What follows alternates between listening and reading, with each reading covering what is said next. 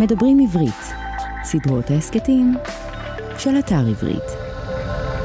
שלום לכולכם, שלום לכולכן. אתן על הקיפוד והשועל, מדף של ספרים ורעיונות לסקרנים ולסקרניות. שמי שמואל רוזנר ותודה שהצטרפתם אלינו. היום נדבר עם פרופסור ורד נועם. איך נתאר אותה בשורה אחת? היא כלת פרס ישראל בחקר התלמוד. כן, תלמוד. ורד נועם נולדה בשנת 1960 בירושלים. אמה הייתה סופרת הילדים רבקה אליצור, אביה היה פרופסור יהודה אליצור, חוקר מקרא וארץ ישראל. אני מצטט את כל זה מתוך האתר של פרס ישראל. ציטוט: היא מן הבולטים שבחוקרי התלמוד בתקופתנו בארץ ובעולם. בכלים מוקפדים של פילולוגיה ובדרכי מחקר היסטוריות וספרותיות, היא השכילה לעצב מתודולוגיה חשובה בחקר הספרות התלמודית. שחזור של אוצרות אבודים, חשיפה של המסורות הקדומות ואפיונן. פרופסור נועם, זה עדיין מתוך הטקסט באתר, מציעה תובנות מרתקות על אודות הדרכים המגוונות שבהן עובדו המסורות לדורותיהן, והשתלבו בהקשרים חדשים ביצירות חז"ל, סוף ציטוט. נדבר איתה על שלושה ספרים שבחרה, אבל כמו תמיד, הספרים הם מסגרת, לפעמים תירוץ, כדי לדבר על הרבה מאוד דברים. מה הספרים שבחרה? היא בחרה ספר פרוזה, הבית אשר נחרב, של ראובן נמדר. היא בחרה ספר עיון, מבוא לנוסח המשנה, של יעקב נחום הלוי אפשטיין. והיא בחרה גם ספר ילדים אחד, מיו מיו שלי. ספר של אסטריד לינדגרן. יש תרגום די חדש של הספר הזה בהוצאת פעמון, תרגום של דנה כספי, למי שמחפש. על מה נדבר עם ורד נועם? מיד נאמר על מה, וקודם נזכיר שאנחנו מזמינים אתכם כתמיד לבקר באתר האינטרנט של מיזם הכיפות והשועל, kipshu.com, kipshu.com. האתר התחדש ויש בו הסכתים, מאמרים, קריקטורות, וגם את הספרים שלנו. נזכיר שיהיה טוב אם תשאירו כתובת מייל באתר, וכך תקבלו מאיתנו מייל פעם בחודש עם כל עדכוני הכיפות והשועל. רק פעם בחודש, לא ננדנד יותר מזה. נזכיר גם שסדרת ההסכתים הכיפות והשועל נעשית בשיתוף עברית, אתר התוכן הספרותי הגדול בישראל, המציע לקרוא בכל דרך ספרים דיגיטליים, קוליים ומודפסים. בשיחה עם ורד נועם, נגיע מתישהו למסכת יבמות של התלמוד. נדבר קצת על תוכן עכשיו, לפני שאנחנו מגיעים לשיחה עצמה. אני רוצה להסביר משהו מראש, כי לא בטוח שהוא יהיה לגמרי בהיר בשיחה. מחלוקת במסכת יבמות די מוכרת ללומדי התלמוד, זה דף י"ד עמוד ב'. תשמע, בואו שמע. אף על פי שנחלקו בית שמאי ובית הלל בצרות ובאחיות, בגט ישן, ובספק אשת איש, ובמגרשת אשתו ולנה אמו בפונדק, בכסף ובשווה כסף, בפרוטה ובשווה פרוטה, לא נמנעו בית שמאי מלישא נשים מבית הלל, ולא בית הלל מבית שמאי, ללמדך שחיבה ורעות נוהגים זה בזה לקיים מה שנאמר, האמת והשלום אהבו. עד כאן מתוך התלמוד, ולפני כן במשנה המחלוקת על הצרות. תכף נסביר מהי. בית שמאי מתירין הצרות לאחים, ובית הלל אוסרים. המחלוקת הזאת היא עניין זר ומוזר לבן דורנו. נדגים אותה. לראובן יש בת, נקרא לה לאה. יש לו אח, נקרא לו שמעון. האח שמעון נושא את הבת של ראובן, לאה, והוא נושא עוד אישה, כמו שהיה נהוג פעם, הוא נושא עוד אישה, נקרא לה רחל. אז שמעון נשוי ללאה, בתו של ראובן, ולרחל. לימים שמעון מת ואין לו בנים, ולראובן יש חובה שמוזכרת בתורה, לייבם את אשת בנו, כלומר לקחת אותה אליו לאישה. כמובן, אישה אחת, אישה אחת של שמעון לאה, היא הבת של ראובן, אותה הוא לא יכול לקחת. אבל יש אישה שנייה, רחל, זו האישה שמכונה צרה. האם ראובן צריך לייבם את רחל, כלומר לשאת אותה? בדיוק על זה יש מחלוקת. בית הלל אוסרים עליו לשאת אותה, כי היא צרת הבת, הצרה של בתו של ראובן, ובית שמאי מתירים לשאת אותה.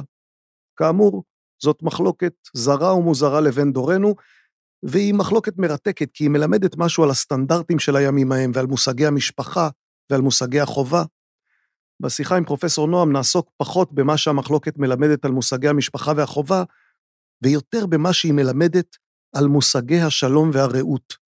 כי כמו שהזכרנו, למרות המחלוקת, למרות שיש כאן איסור חמור מאוד של נישואים שתוצאתו יכולה להיות ממזרות, לא נמנעו, כך כתוב, לא נמנעו בית שמאי מלישא נשים מבית הלל. הם מצאו דרך להמשיך לחיות יחדיו מול מחלוקת עקרונית קשה ומסובכת מאוד. ולמה אני מזכיר את כל זה? גם כדי שיובן בהמשך למי שפחות מכיר את התלמוד, וגם כדי לומר שזה אחד הרגעים בשיחתנו שבו המציאות שאנחנו חיים בה פורצת לתוך השיחה. איך חיים ביחד למרות מחלוקת? זו שאלה תלמודית, וזו גם שאלה אקטואלית מאוד. יש עוד כמה רגעים בשיחה שמזכירים לנו את המציאות. אנחנו מקיימים כאן שגרת הסכת ומדברים על עניינים שמנותקים מהמלחמה ומהרוחות הרעות שמנשבות בחוץ, אבל אנחנו לא בורחים ולא שוכחים, רק מנסים לרגע קצר להתכנס לשיחה על דברים אחרים. וזה לפעמים מצליח, וזה לפעמים קצת קשה. לדוגמה, כשמדברים על המחלוקת על צרת הבת. עכשיו ורד נועם, על בית המקדש, על חלומות, על פרוגרסיביות באקדמיה, על הרמב"ם, על ניסוך היין, על דת ומדע, על יהודה הנשיא, על כתיבה ועריכה, על מסכת סוכה ומסכת יבמות, על הלל ושמאי, על מסורת בעל פה, על יוסף בן מתתיהו, על ניו יורק וירושלים. בבוקר בהיר אחד, ביום ו' באלול, שנת ה-1761 לבריאת העולם, שחל להיות בחודש ספטמבר שנת 2000 למניין אומות העולם, נפתחו שערי השמיים מעל העיר הגדולה ניו יורק, וכל שבעת הרקיעים נגלו מבעדם סדורים זה על גבי זה כשלביו של סולם הניצב ארצה, ממש מעל תחנת הרכבת התחתית של הרחוב הרביעי, וראשו מגיע השמיימה. זה ראובן נמדר, מתוך הספר, לא מתוך, זו תחילת הספר, הבית אשר נחרב. ובזה נתחיל, מיד אחרי האות.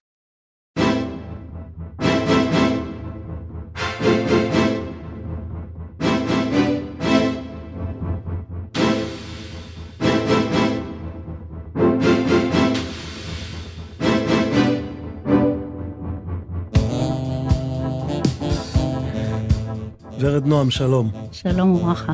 בואי נתחיל עם פרופסור, איך שמו? אנדרו פיי כהן. אהה. גם לך בית המקדש בא בחלומות? אתה יודע מה, האמת שכן. כן. אה, אוקיי. אז uh, לא, ידעתי, והנה הגעתי למקום הנכון. כן. Um, אני חיה בירושלים, אני נולדתי בירושלים. Uh, תחום המחקר שלי הוא בית שני וחז"ל.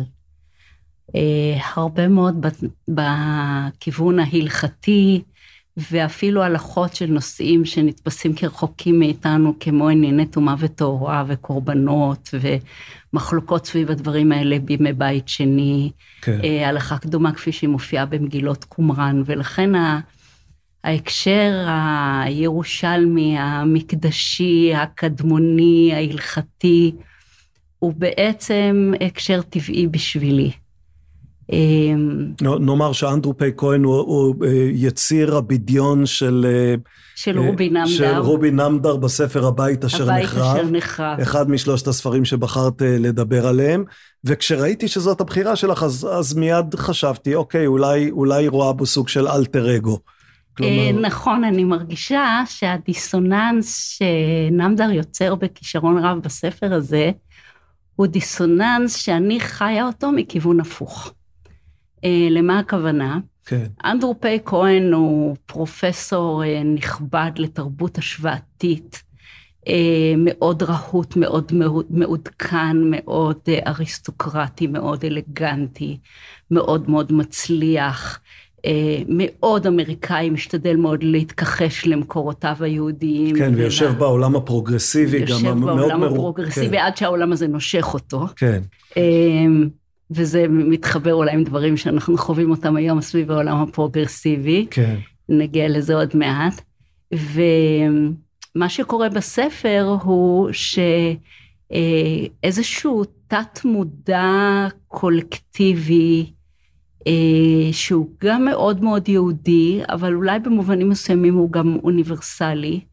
כלומר, איזה זרמים תת מודעים של עולם של נס ושל פלא ושל מיסטיקה ושל פולחן ושל קורבנות, של בגדי כהן גדול ומקדש רדיפות וחורבן ואש אה, חודרים אל תוך התודעה ההולכת ונסדקת של הפרופסור הכל כך פוסט-מודרני, שלו, נינוח, מצליח. והגלים האלה שהמחבר אה, רומז, שהם בעצם איזה מין גלגול נשמות מסתורי. כלומר, אנדרו פיי כהן היה כהן גדול במקדש בירושלים, כן. והחוויות מן הגלגול ההוא אה, מתחילות לחרוך את התודעה שלו וממש לרסק אותו. האישיות שלו הולכת ונפרמת, החיים שלו הולכים ומתרסקים.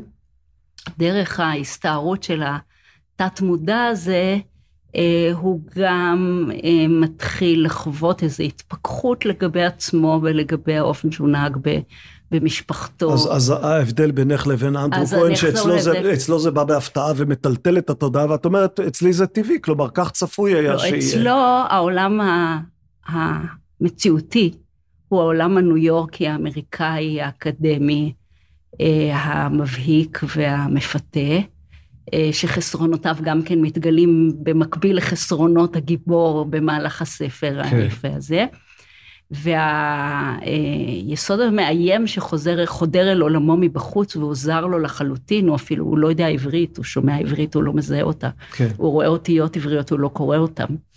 אה, היסוד הזר הזה אה, מתנפל עליו. אני הרבה פעמים חשה שאני חיה את שני העולמות האלה מכיוון הפוך. כלומר, הבית שלי היא העברית, הבית שלי, אני אפילו אעז לומר שהעולם הזה, הקדמון של המקדש ופרטי ההלכות ו... אה, והפולחן המקדשי הם אה, תמיד אה, אה, עוררו בי הרבה עניין והתעסקות, וזה לו, הבית שלי. לו הוצנחת מחר בבוקר ל, לעזרת נשים בבית המקדש, אז, אז היית מרגישה טבעי? עזרת נשים, אתה נוגע בנקודה רגישה. אמ, אני לא יודעת עד כמה טבעי, אבל העולם הזה מאוד, אה, מאוד קרוב אליי, מעסיק אותי תמיד, ולעומת זאת, במסגרת אה, חיי האקדמיים, נפגשתי בהחלט עם עולם האוניברסיטאות הכיסוס היפות של ארצות הברית, והשיח שלהם, והקולגות מעבר לים, וכל מיני אנדרו כהנים שפגשתי בכנסים ובשנות שבתון. אה, ותמיד הייתה לי תחושה קצת חצויה במקומות האלה, שמצד אחד אה, כל כך יפה פה השלכת המופלאה הזאת והנופים הניו יורקיים, שאני לא בת בית בהם כמובן כמו מחבר הספר, אבל חוויתי אותם ונהניתי מה... כן, מהייחוד כן. שלהם, כן. אבל תמיד עם איזו תחושת זרות, תמיד עם איזו תחושה מאוד מבלבלת כשאתה בא מעולם של אה, מדעי היהדות לכנסים בחוץ לארץ, אז אתה חווה איזו חוויה כפולה של רגשי נחיתות ורגשי עליונות. רגשי נחיתות כי אתה לא יפה ואלגנטי ואריסטוקרטי. רהוט באנגלית. ורהוט באנגלית, כמו האנדרופי כהנים האלה שאתה פוגש במסדרונות, ואתה לא מיומן כמותם בכל פרטי ה... הנימוסין האקדמיים והעולם, ואתה זר בעולם שהם צמחו בו, ואתה גם לא יודע עד הסוף איך הם רואים אותך. ומצד שני, כשמתחילים לעסוק בטקסטים שהם בלב העיסוק האקדמי שסביבו אנחנו מתכנסים, אז אה, אתה מרגיש את הקושי שלהם עם העברית הקדומה ועם ההקשרים התרבותיים שהם מנסים להכיר אבל לא באמת מכירים, ואתה מרגיש, מה זאת אומרת, אני בטקסטים האלה בן בית, אלה הטקסטים שמגדירים אותי, אלה החיים שלי, זה מחזור הדם שלי. אז אה, היה לי מאוד מעניין לפגוש את אנדרו פיי כהן מהכיוון הזה, כלומר שהוא ואני חיים את אותו דיסוננס, אבל מכיוונים הפוכים. אני, אני באתי מירושלים ומנסה להסתדר עם האקדמיה הניו יורקית, הוא בא מהאקדמיה הניו יורקית וירושלים מסתערת אליו. מנסה להסתדר עם, עם ירושלים. כן. אבל, אבל אוקיי, את, את אמרת שאת מרגישה בת בית בטקסטים האלה, האם את מרגישה בת בית גם בבית המקדש? כי בספר, זה, זה ניכר כמובן, את יודעת, גם מי שקורא את מסכת יומא נתקל באותה, באותו קושי, אבל זה ניכר גם בספר של, של נמדר. בית המקדש הוא מקום מאוד פגאני באיזה אופן. כלומר, יש בו יסודות הם זרים לעולמנו לא כמו הטקסטים. נכון, בוודאי, בוודאי. אני חושבת שזו התמודדות, אה, התמודדות של כל אדם מתפלל אפילו, שאומר את הטקסטים האלה של הבקשות לחזור למקדש. אחת הסיבות שאהבתי את הספר, זה קודם כל שהוא לא נופל למלכודת ההתנשאות המודרניסטית או הפוסט-מודרניסטית. הוא מציג את העולם הפולחני, הקדמון והקמאי הזה, באיזו התבוננות סקרנית שיש בה גם מקסמות שהוא מזהה נכונה שאולי היא חסרה בעולם מודרני, אה, ושהעולם המודרני מכחיש את קיומה, את קיומה של החוויה הקמאית הזאת שהיא נמצאת בכל מקום, לא רק אצל יהודים, אלא בתשתית כן, התרבות כן. המודרנית שמנסה להתעלם מן הרבדים האלה, והם בכל זאת נוכחים. הם אגב, האמירה הזאת אה, מבצבצת באופן מאוד מעניין מעבודה של תלמיד עלום שהפרופסור קורא אותה, והעבודה הזאת מצהירה שאנחנו צריכים לבחון ביתר רצינות את האמונות של הקדמונים, כן. ולחשוב שאולי אולי הדיווחים שלהם על ניסים ועל פלאים באמת התרחשו. אמ, אבל אה, אחת הסיבות שאהבתי את הספר זה גם שהוא מנכיח באמת את הפיל הלבן הגדול הזה של המקדש, אמ, שגם בחיים שלנו, אפילו כאן או דווקא כאן, אמ, הוא איזה מין חידה גדולה כזאת שאנחנו לא יודעים איך לאכול אותה, ואנחנו כל הזמן מסתובבים סביבה בזהירות, גם במישור ההגותי והמחשבתי והדתי, וגם במישור הגיאוגרפי אפילו. כן. כלומר, בלב ירושלים המודרנית, אה, נמצא המקום הקסום הזה, כיפת הזהב המופלאה, שהיא ממש תכשיט בלב ירושלים, והיא מוקד והיא לב. אה, אנחנו לא הולכים לשם, אנחנו לא יודעים אם זה לא שלנו או לא שלנו. לא עלית להר הבית אף פעם. פעם אחת עליתי. עלית? פעם אחת אוקיי. עליתי.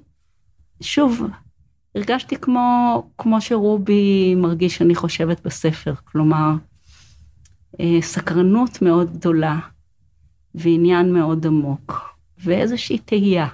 לא ידעתי בדיוק מה אני מרגישה. אה, אז המקום הזה הוא מוקד של זהות, ומוקד של געגוע, ומוקד של רתיעה, ומוקד של חשש, ובדרך כלל אנחנו פשוט מתעלמים ממנו. גם כאנשים דתיים מודרניים אנחנו מתעלמים ממנו. אנחנו אומרים כל מיני טקסטים בתפילה, ואנחנו אומרים לעצמנו שאת השאלה הזאת נפתור בבוא המשיח, וכרגע לא צריכה להעסיק אותנו, אבל השאלה הזאת נמצאת גם כמוקד פוליטי, גם כמוקד, אה, אה, תראה איך קראו החמאס למתקפה שלהם, מבול אל-אקצא. כן. כן. אה, אז, אז זה מאוד מאוד נוכח ואנחנו מאוד מאוד מתעלמים, והספר הזה זורק לנו את זה בפרצוף, ועוד בפרצוף של פרופסור יהודי אמריקאי מתבולל לחלוטין שלא שמע על זה אף פעם בכלל.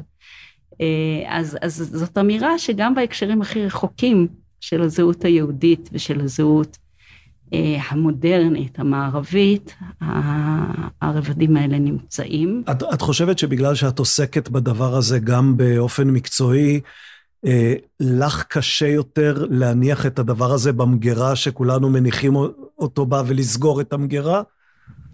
אה, יכול להיות, אני בעצם בחרתי לעסוק בנושאים האלה כי, כי הם בעיניי אה, נושאים שנתפסים כמאוד יבשים ומרתיעים, כמו טומאה וטהורה נניח, או קורבנות, הם בעיניי חידות מאוד מסקרנות, ש... הניסיון, כן, הניסיון להבין ריטואל, להבין אה, אה, מה יש בו, כן, איזה מין פרפורמנס מסתורי כמו סדר העבודה, אה, או לעסוק בהלכות שחז"ל יוצרים אחרי כן, או ב... במחלוקות בין כיתות בבית שני באופן שהם מפרשים ולנסות להבין מה המשמעות הסימבולית או הרעיונית או הדתית של הפעולות הריטואליות, זה בעיניי קצת כמו לפענח שירה. זה, זה מאוד קסום בעיניי. כמה את בטוחה שאנחנו יודעים מה באמת קרה בבית המקדש? הרי אחד הדברים באמת המשונים בתלמוד, באמת במסכת יום הזה מאוד נוכח, שאת אומרת, רגע, הרי, הרי זה היה לפני לא כל כך הרבה זמן, אז למה אתם מתווכחים אם הכהן הגדול צריך להקיף בכיוון השעון או נגד כיוון השעון? אתם לא זוכרים? כלומר, ת, תשאלו את סבא והוא יגיד לכם. יש איזו תחושה שמשהו שם הולך לאיבוד באיזה רגע, ואני שואל את עצמי, האם אנחנו יודעים לשחזר בכלל מה היה שם? אה, אכן נכון, עד גבול מסוים. לפעמים יש לנו תיאורים שאנחנו יכולים לאמת אותם, למשל במסכת תמיד במשנה, יש תיאור של הקרבת קורבן התמיד. תיאור מאוד יפה גם כן של אה, איזה מין, אה, איזה מין סימפוניה מופלאה של, ה, של הכהן שמנסח את היין על, ה, על המזבח, וכהנים אחרים מניפים בסודרים, ואחד מקיש בצלצל, והכהן, והכהנים תוקעים בחצוצרות, והלוויים שרים תהילים, וכל הקהל משתחווה, זה מין אה, הצגה מופלאה. אז אה, אנחנו לא יכולים לדעת האם, אה, האם התיאור הזה אותנטי, אבל הנה יש לנו ספר בן סירה שהתחבר בערך בשנת 200 לפני הספירה, ספר חיצוני, כן. של מישהו שחי ב, בתקופת בזמן, כן, הבית, כן, בדיוק, כן. והתיאור שם דומה להפליא. זאת אומרת, במקרה הזה התיאור אותנטי. יש כנראה תיאורים אחרים שחוקרים הכיחו במשנה, שהם מין פנטזיות או אוטופיות, ולא בהכרח אה, נאמנות למציאות ההיסטורית. אז לכן אה, זה לא פשוט, ובכל מקרה צריך גם להיעזר במקורות נוספים. כל, כל הסיפורים על הכוהנים שהורגים אחד את השני בדרך לראש המזבח, כי כל אחד רוצה להגיע ראשון, אז, אז מה זה, זה מעשיות מוסר, או שאת מניחה שאכן היו דברים כאלה? אה, מי יודע, אנחנו לא תמיד יודעים. אנחנו לא תמיד יודעים. ו, וזה דבר, שוב, אני שם רגע את השאלה הפוליטית בצד, אבל ברמה העקרונית, התיאולוגית, היית רוצה לראות את הדבר הזה מחדש? שאלה קשה, שאלה קשה. אה, לא הייתי רוצה לראות קורבנות, אני חושבת, בכל מקרה. הייתי רוצה. כלומר, היית אומרת, בואו בוא נשאיר את הקטורת ונוותר על קורבן, על העולה. כן, קטורת, שירת לוויים, אולי, אה, אולי יש, אתה יודע, יש מנחות, זה קורבן צמחוני. אני... בית מקדש light. כלומר, לקבל איזה גרסה, איזה גרסה של המאה ה-21. אה, אבל לא, אין לי, אין לי כרגע, כלומר, באמת, זה לא במישור, לא העכשווי ולא הפוליטי, אלא במישור הרעיוני, ניסיון ככה ל, להבין את הקונספט הזה באיזשהו אופן. אה, ובאמת אני חושבת, נהניתי מאוד מה... גם העברית העשירה של נמדר והתיאורים, ה... אה, אני לא יודעת איך לקרוא לזה, העסיסיים, השמחים, עתירי המליצות העבריות היפות, שבבת אחת מנכיחים את אה, מגדלי הבטון והזכוכית והפארקים והנצנוץ ההדסון הניו יורקי ואת אה, תפארת המקדש. וצריך להזכיר שבמסגרת שני הקולות האלה שמשחקים בספר כל הזמן, אז uh, יש במקביל לעלילה הראשית, יש גם עלילה משנית, ובספר מודפסים מין עמודים כאלה, uh, בתבנית של uh, ספר uh, כמו תלמוד או כן. משהו מעין זה, ובהם יש מצד אחד um, קטעים מהמשנה או מהתלמוד שסביב סדר העבודה של יום הכיפורים, ובצד השני, בכאילו חיקוי של מקור עתיק, טקסט שחיבר המחבר במעין לשון משנה, ובה הוא מתאר את סיפורו של הכהן הגדול ושל כהן אדיוט שצופה בו. בשם שכניה ומה שקורה אה, ביניהם, כן. ועוד הוא מדפיס איזה מין תוספת של שער גלגולים שבה הוא רומז שאנדרו כהן שלנו למעשה... הוא למעשה גלגולו של. גלגולו של, וזה כמובן פותח את השאלה אם אנחנו, עד כמה אנחנו כולנו גלגולם של. אגב, גל, גלגולים זה דבר, כלומר, אני, אני שואל פה שאלה שהיא שאלה יותר גדולה, כמה את בכלל אדם רוחני שגלגולים זה דבר שהוא מתייחס אליו ברצינות כאל תופעה, או שאת אומרת, בסדר, זה במסגרת המעשיות שמספרים, אז אה, יש גם את העניין הזה של גלגולים. אני יותר בכיוון שהיונגיאני, כמוטו לאחד מהחלקי הספר. אמ, אז רובי נמדר מביא אמירה של יונג, שבתשתית התרבות בכלל, או בתשתיתו של כל יחיד, נמצאים אה, רבדים עתיקים, קולקטיביים. אמ, ואני מאוד מאמינה בזה. כלומר, את לא מתייחסת אל הגלגול כאיזו תופעה פיזיקלית, אלא כסוג של באמת תשתית תרבותית. כן, כן, כך, כלומר, אני לא יכולה לחוות דעה בנושא גלגולים, אני לא יודעת. אה, ולא לא נוטה ל... לא, זהו, את יודעת, יש אנשים שפתוחים לרעיון ויש אנשים שאומרים, מזה תעזבו אותנו. בוא נגיד שאין לי מה לתרום לנושא. אה, אבל אה, אני חושבת שהאמירה פה על גלגול היא אמירת עומק יותר, יותר מקיפה מזה, ש, שהחוויות ההיסטוריות האלה, גם מלפני אלפיים שנה, הן באיזשהו אופן נוכחות בתוכנו, אפילו של מי שלא למד היסטוריה ולא לא מכיר אותם. אני חושבת שהטראומה של החורבן היא נוכחת אה, בחברה הישראלית, נניח של החורבן מלפני אלפיים שנה, לא רק של השואה או אירועים כאלה. אה, החרדה מפני האפשרות של חורבן, מפני האפשרות של גלות, מפני האפשרות שהכל יתמוסס והכל יקרוס. אני חושבת שזה צרוב בנו באיזשהו... כן, כלומר, את חושבת שזה נוכח בחיינו יותר מבחייהם של עמים אחרים? ללא תראי, ספק. רוב, רוב העמים האחרים בעצם לא חוו חורבן, כי ברגע שחוו חורבן הם לא השתקמו ממנו. השונה אצלנו זה שאנחנו השתקמנו מהחורבן ואנחנו עדיין כאן. כן. אז אולי בגלל זה אנחנו היחידים שמחזיקים צלקות. אה, זה נכון, יש לנו היסטוריה ייחודית, אבל אני חושבת שבכל עם נוכחת ההיסטוריה שלו.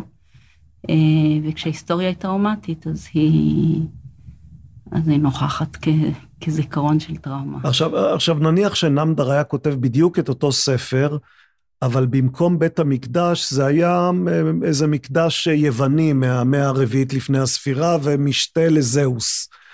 או, או, או העלאת קורבן לזהוס. הרי הטקסים היו די דומים. היית מרגישה קשר גם לזה באותו אופן? אני חושבת שזה היה מאוד מעניין אותי כ, כחוויה אנושית וכספרות, אה, אבל אה, זה היה פחות, אה, פחות אינטימי, פחות קרוב לליבי. פה ממש חוויתי את שני צידי המשוואה, ו, ומצאתי הרבה עניין ב, ב, באומץ הלב הזה להצביע על ה... אה, על הרבדים השכוחים האלה ולכאורה רחוקים מתודעתנו ולהנכיח אה, אותם. אני רציתי להזכיר עוד נקודה לגבי בטח, הספר. בטח, כן. שנדמה לי עד כמה שראיתי שאף אחד לא עלה עליה. אוקיי. אה, ואני חושבת שנמדר החמין אותה בספר. בראש כל פרק הוא מציין... אנחנו נברר את זה איתו אחרי, ש... אחרי שהפרק יעלה לשידור, אנחנו נברר איתו, כן. בשמחה. אמ, בראש כל פרק הוא, הוא שם תאריך, גם תאריך עברי וגם תאריך לועזי, כחלק מהכפל הזה שהוא משחק בו. כן. אמ, ומי שישים לב, יראה שבכל אחד מהפרקים, לפעמים באופן אה, כמעט אה, מלאכותי ולפעמים זה זורם, יש אזכור או של פרשת השבוע או של ההפטרה, שחלה באותו, באותו שבוע בתאריך. בשנה בתאריכים האלה, וככה אה, כמה דוגמאות אה, אה ממש יפות. סימנת לך את זה בספר, כלומר, אה, נכון. פה עשית עבודת בילוש, אה, עבודת נכון, בילוש אמיתית. נכון, חשבתי שזה באמת מעניין. אז למשל, בתחילת הספר, אנחנו מדברים על חודש אלול. כן. כן, ספר לוקח בערך שנה. נכון. מאלול עד תשרי. ו...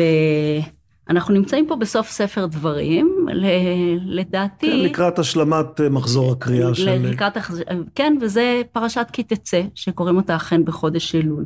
והנה כשהוא מתאר את הבית של אשתו, שאותו הוא עזב. כן.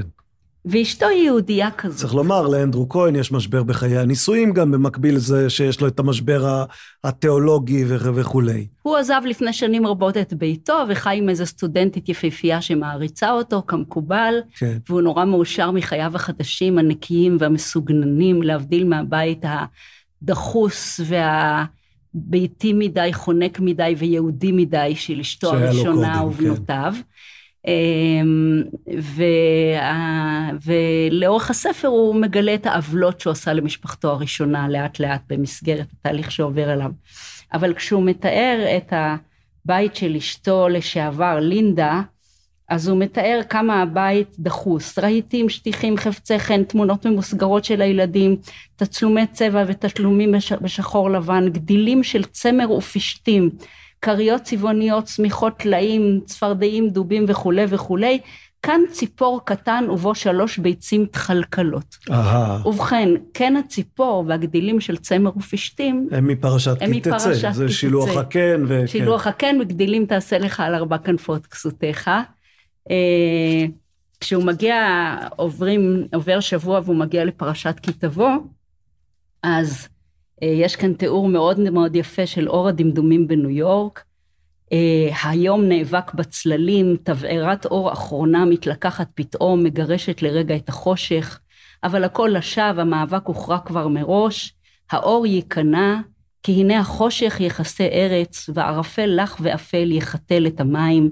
ובהמשך הוא אומר שאנדרו צריך לפתוח בקבוק של יין, להתכונן לארוחת הערב, להביא כסף תחת הברזל וזהב תחת הנחושת. כל זה ההפטרה של פרשת כי תבוא מהפטרות הנחמה היפות. אה, קומי אורי כי בעורך, כי הנה החושך יכסה ארץ וערפל לאומים, ועלייך יזרח אדוני וכבודו עלייך יראה, תחת הנחושת אביא זהב וכולי וכולי. אני, אני כמובן לא ידעתי ש, ש, שתחשפי את התגלית הזאת, אז עכשיו אני... האם זה משהו שאת אה, מזהה בקריאה הראשונה ואת עוצרת והולכת לחפש, או שזה דבר שאת מגלה מאוחר יותר?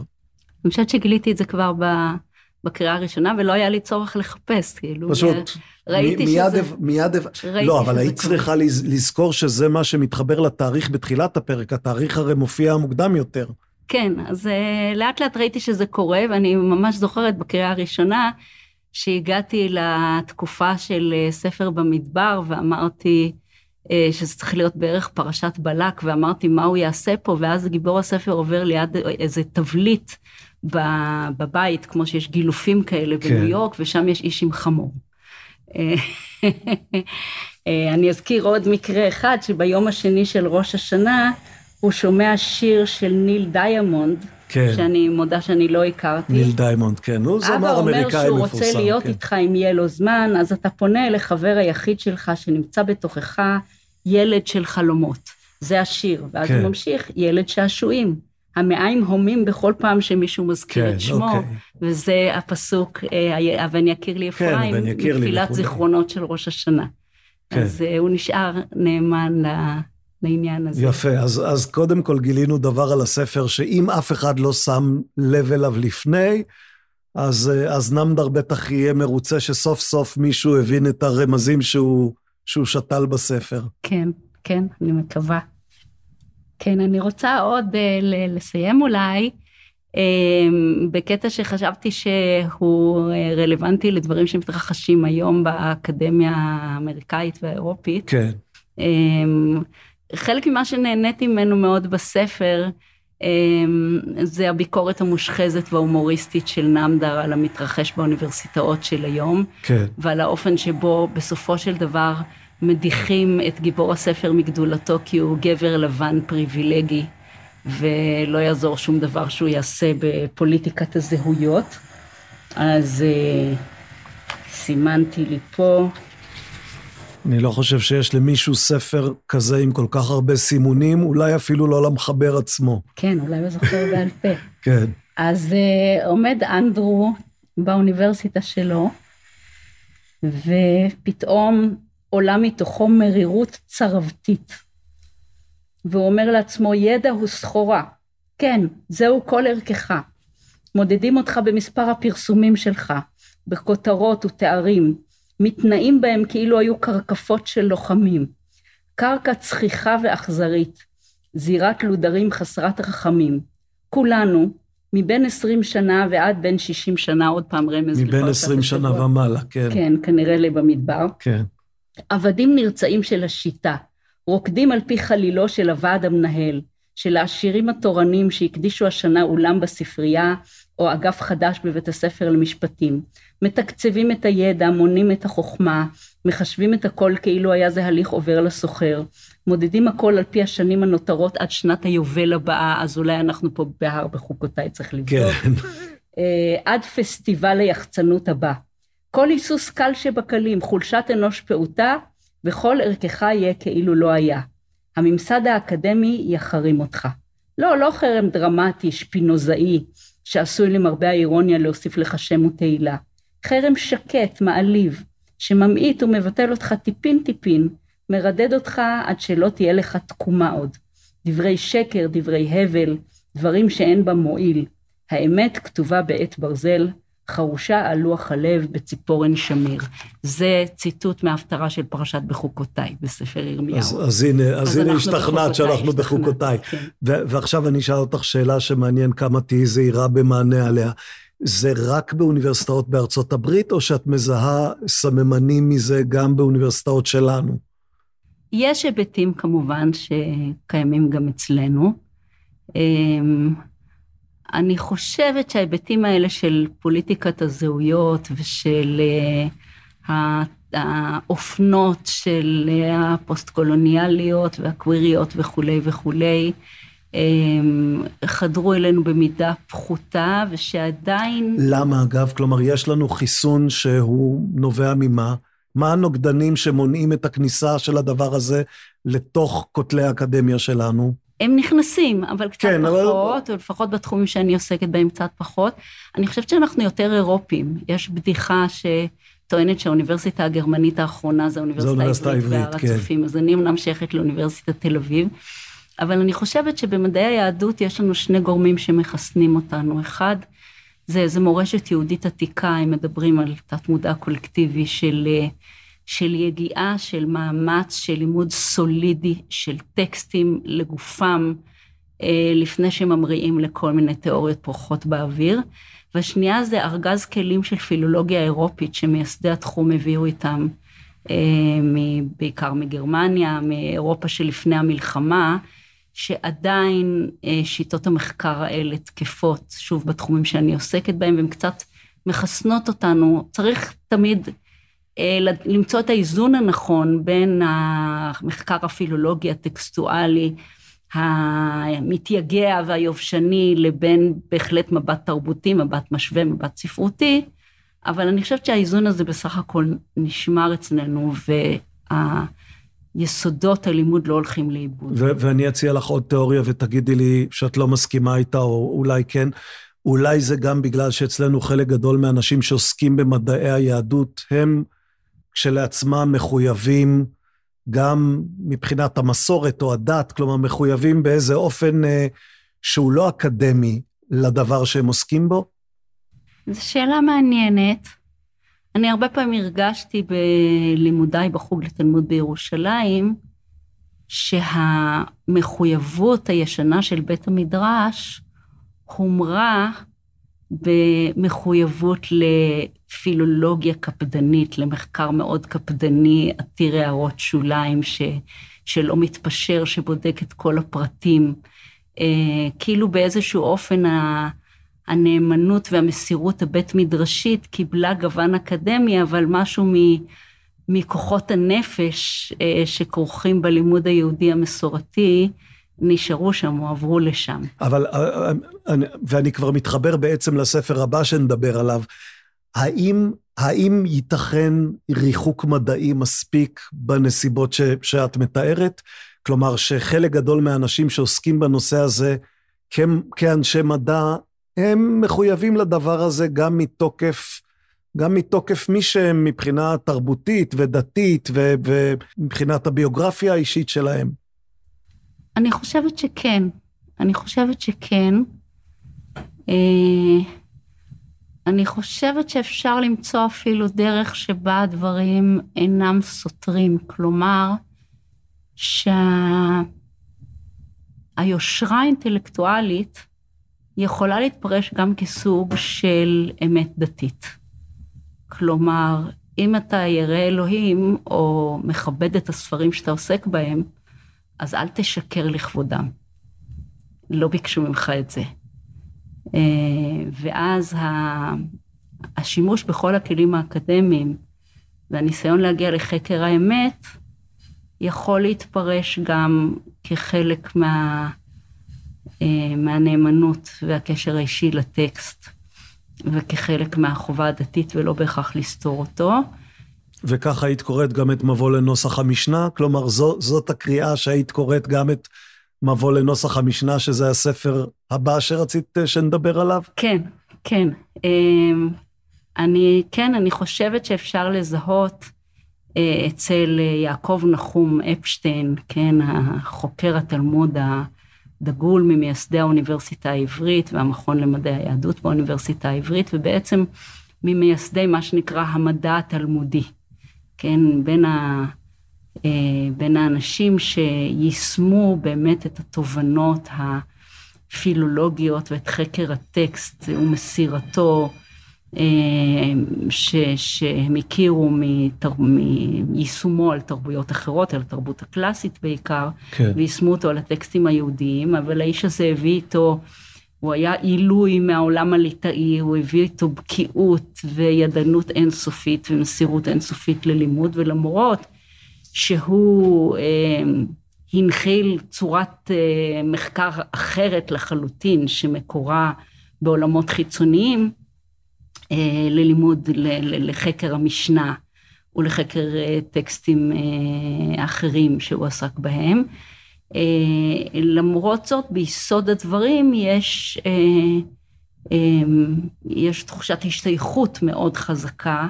יש משהו, איזה סוג של גיור של בית המדרש לכיוון האקדמי. אז, אז זהו, אחד הדברים, כלומר, אני, אני קצת ממשיך את שאלתי הקודמת, אבל אני שואל את עצמי, האם היה בכלל מדע תלמודי אילולא הייתה מחויבות דתית לטקסט הזה? הרי, כלומר, הטקסטים הקלאסיים שנחקרים באוניברסיטאות המערב, אני מבין למה הם נחקרים, כי הם, הבס... הם הבסיס לתרבות המערב. הטקסט התלמודי נחקר ב...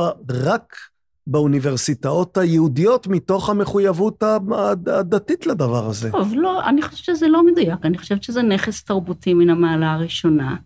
ולא רק אנשים דתיים חוקרים אותו ועוסקים בו, ממש לא, ויש גם מחוץ לאקדמיה היום פריחה גדולה של מה שנקרא ארון הספרים בתלמוד. היהודי והרבה עניין, ויש גם uh, אנשים שאינם uh, יהודים, ש, שאחת החוקרות החשובות uh, בארצות הברית של התלמוד, חוקרת מבריקה וחשובה, קריס הייז, קריסטין הייז, uh, היא לא יהודייה, היא בת של כומר. אז בהחלט יש גם חוקרים. יש את הפסינציה המפורסמת של הדרום קוריאנים עם התלמוד. אתם כן, חושבים שיש בו כן, איזה חוכמת יותר, יותר ניהול ב... ו... כן. יותר ברמה העממית, אני חושבת, אבל הוא אח, כן. אה, לא מכירה חוקר דרום קוריאני. אה, לא, ב- לא בענייני המחקר הדרום קוריאני אני חלש כן, מאוד. כן, כן, כן. אבל... אה, כלומר, את מניחה שמחקר מהסוג הזה של התלמוד היה גם ללא אותם אה, אה, אה, בוגרי ישיבות ליטאיות שעברו לאקדמיה והביאו איתם את המחויבות לטקסט מצד אחד שהם הביאו מהבית ומבית הכנסת, ואת השיטה המדעית שהם הביאו מהאוניברסיטה. אני חושבת שזה כמובן גורם חשוב בתוך המחקר, כמו שבעולם הנוצרי, אה, הרבה מהחוקרים של הטקסטים הנוצריים ושל הברית החדשה, הם היו אה, כמרים או אנשים דתיים, אבל כמו ששם זה לא בהכרח, אני חושבת שגם אצלנו זה לא בהכרח, אני חושבת שזה טקסטים שעיצבו את זהותנו ואת ההיסטוריה שלנו ואת אורחות החיים שלנו, ויש בהם גם הרבה מאוד יופי ספרותי ותרבותי, אה, והם מאוד מאוד מעניינים. אז אה, אני לא חושבת שההתעניינות בהם נובעת רק ממחויבות דתית. מה אנחנו רוצים לדעת? כלומר, נניח שאני שואל אותך, תניחי לי את האבנים הגדולות. מה אנחנו רוצים לדעת על המשנה או על התלמוד, שאנחנו עוד לא מספיק יודעים וצריכים להמשיך ולחקור? כן. אה, טוב, אז יש הרבה סוגים של שאלות. אפשר לגשת לטקסטים האלה מכל מיני נקודות אה, מוצא. אה, אנחנו יכולים לשאול שאלות לגבי התוכן של הטקסטים, זאת אומרת, אם אנחנו עוסקים בהלכה, אז אחד הנושאים שאני עוסקת בהם הוא השאלה איך העולם הזה של חכמים, עולם ההלכה הפרטני, ברזולוציות הגבוהות שלו, איך הוא נולד, כן? זה עולם שלא קיים במקרא. היהדות העתיקה היא שונה מאוד מהיהדות של חז"ל, אז חז"ל בעצם בוראים עולם יהודי חדש, עם ערכים חדשים, עם מצוינות דתית חדשה. אה, אין בתנ"ך אה, שום דמות, יש צדיקים בתנ"ך, אבל אף אחד מהם לא מתפלל שלוש פעמים ביום, ואף אחד מהם לא... בדיעבד אנחנו מגלים לא שהם התפללו. לא לומד תורה ואין כן. בית מדרש, זאת אומרת, כל הדגשים הדתיים וכל עולמות התוכן והרבה מן האמונות והתפיסות של העולם היהודי המאוחר יותר לא קיימים קודם לכן. אז אחת השאלות שמסקרנות אותי למשל זה איך, איך כל זה נולד ומאיפה זה צמח. ואת עוסקת ממש בתקופה של התפר, נכון? באיזשהו בין אופן. בין בית שני לבין ספרות חז"ל, כי אני מאמינה ששם תמונות הרבה מהתשובות, להתפתחות של תרבותם של חז"ל. אבל צריך לומר, אה, והצביע על זה מורי פרופסור יעקב זוסמן, שבתולדות המחקר הראה דבר מעניין, שבמאה ה-19, גם סביב צמיחת הרפורמה וכל אה, מיני אה, מאבקים דתיים שהיו, היה ניסיון להתחקות על צמיחת ההלכה, שהיה במידה רבה מגויס פוליטית לעמדתם של הכותבים, כן. וגם גישש באפלה. כי הרבה מקורות, כמו מגילות קומראן, כמו הגניזה, לא עמדה לא, לא נמצאו, לא עמדו כן. לרשותם של החוקרים האלה. בשלב מסוים הייתה איזו עייפות מה, מאותו מחקר, ומה שעושה יעקב נחום אפשטיין, הוא מפנה בעצם את תשומת הלב אה, מחקר ההלכה והתכנים אל חקר התהוותו של הספר, של הטקסט. כלומר, יש לנו משנה שהוא, כמו שהוא כותב במוטו שלו, מתוך ספרות חז"ל, עמוד ברזל משנה. כן. כן, זה העמוד המרכזי והציר המרכזי שסביבו מתפתחת ספרות חז"ל. והוא בעצם שואל את עצמו, איך נראה הספר המקורי? אני רוצה לחזור אל הטקסט המקורי, כן, שזאת בעצם שאיפתם, זאת שאיפתה של הפילולוגיה. ההנחה שספר עתיק הגיע לידינו אחרי הרבה מאוד גלגולים מכל מיני סוגים, ואנחנו חותרים כחוקרים לקלף את כל השכבות שהתווספו לו ואת כל ההגהות ואת כל התיקונים וכולי וכולי, ולחזור אל המקור ה...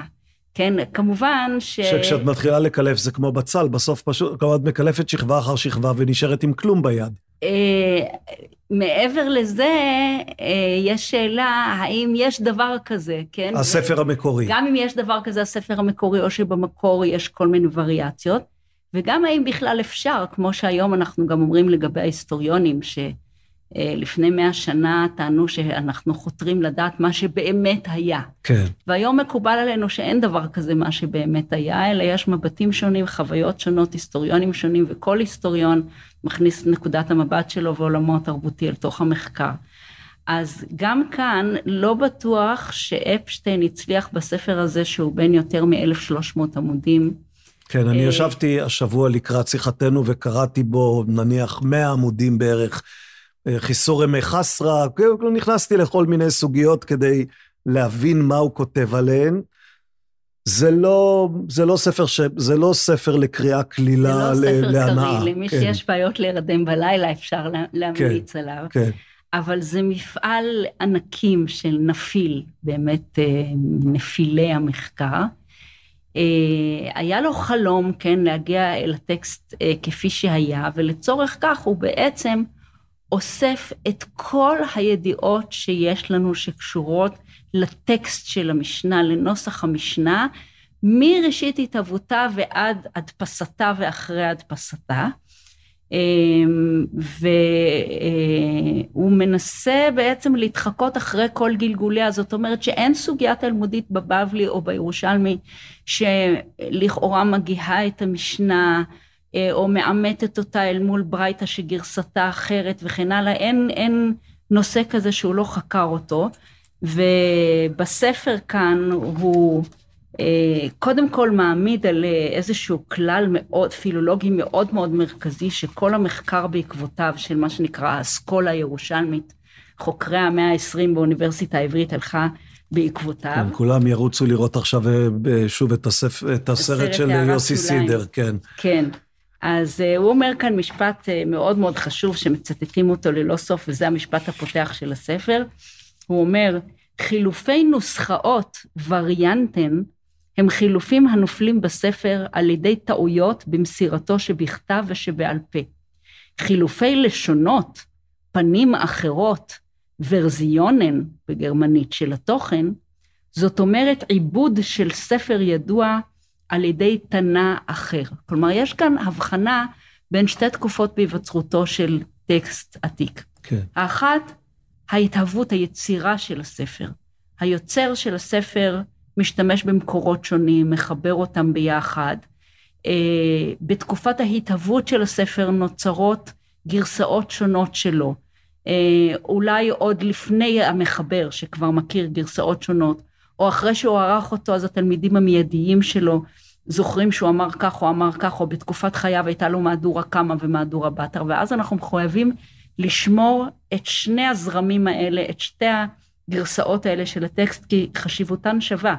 הם נוצרו בתקופת ההתהוות, זה קשור לתקופת ההתהוות של הטקסט. אחרי שהטקסט ערוך וגמור, הוא מועבר הלאה באמצעות מסירה או בעל פה או בכתב, ואז באים אנשים ומגיהים אותו, או שהם טועים בהעתקה שלו, או שהם מוסיפים לתוכו משפטים, או שהם מתקנים אותו, ואלה כבר שינויים שהם כביכול פסולים, זאת אומרת, הם מסתירים בפנינו... את, ה, את הדבר את האמיתי. ה, את הדבר האמיתי. כן. Uh, הניסיון, בגלל הכמיהה הזאת של אפשטיין להגיע לדבר האמיתי, יש לו נטייה לפרש את כל ההגהות שהתלמודים וחכמי התלמוד שהוא אסף כל אחד מהאמוראים, בבבלי ובירושלמי, בכל מקום שהוא מגיע את המשנה, הוא אוסף את כל ההגהות שלו ומנסה לעמוד על טיבם ושל כל מונחי ההגהה, ומה בדיוק קורה בכל מקרה ומקרה, אבל יש לו איזו נטייה קצת מוטה, קצת biased, אה, לתאר כל הגהה כזאת לא כהגהה, אלא כהצעת פרשנות. אז, אז בפרק שאמרתי לך, במקרה יצא שקראתי את הפרק אה, חיסורי מחסרה, זה בדיוק הדבר. כלומר, זה הרי כש, כשאומרים שחסר משהו בגרסה, ו, ולו לא היה חסר, היינו קוראים אותה אחרת, שזה עוזר לנו בעצם לפתור סתירות או מחלוקות בתוך הטקסט, אה, אז הוא אחר כך הולך ומחפש האם, האם זה תוספת מאוחרת או תוספת מוקדמת ולמה זה שייך, ומאיזה סיבה אומרים שזה חסר, האם אומרים שזה חסר כדי לתקן משהו, או אומרים שזה חסר כי באמת יודעים שחסר משהו? כן, אז זאת למשל דוגמה לדרך העבודה שלו, הפרק הזה. התלמוד הבבלי אומר הרבה מאוד פעמים, חסורי מחסרא והכי קטני. כן. כלומר, במשנה, כפי שהיא מונחת לפנינו, הרצף הוא לא הגיוני, מכל מיני סיבות. אנחנו צריכים להניח שחסר במשנה משפט, וכך יש לשנות. ואז במה דברים אמורים כך וכך, אבל החלק הבא של המשנה ואיכשהו תמיד כששונים אחר. אותה אחרת, הכל מסתדר. ואז זה מסתדר. אה, לכאורה, החכמים פה מגיהים את המשנה ומוסיפים לתוכה משפט.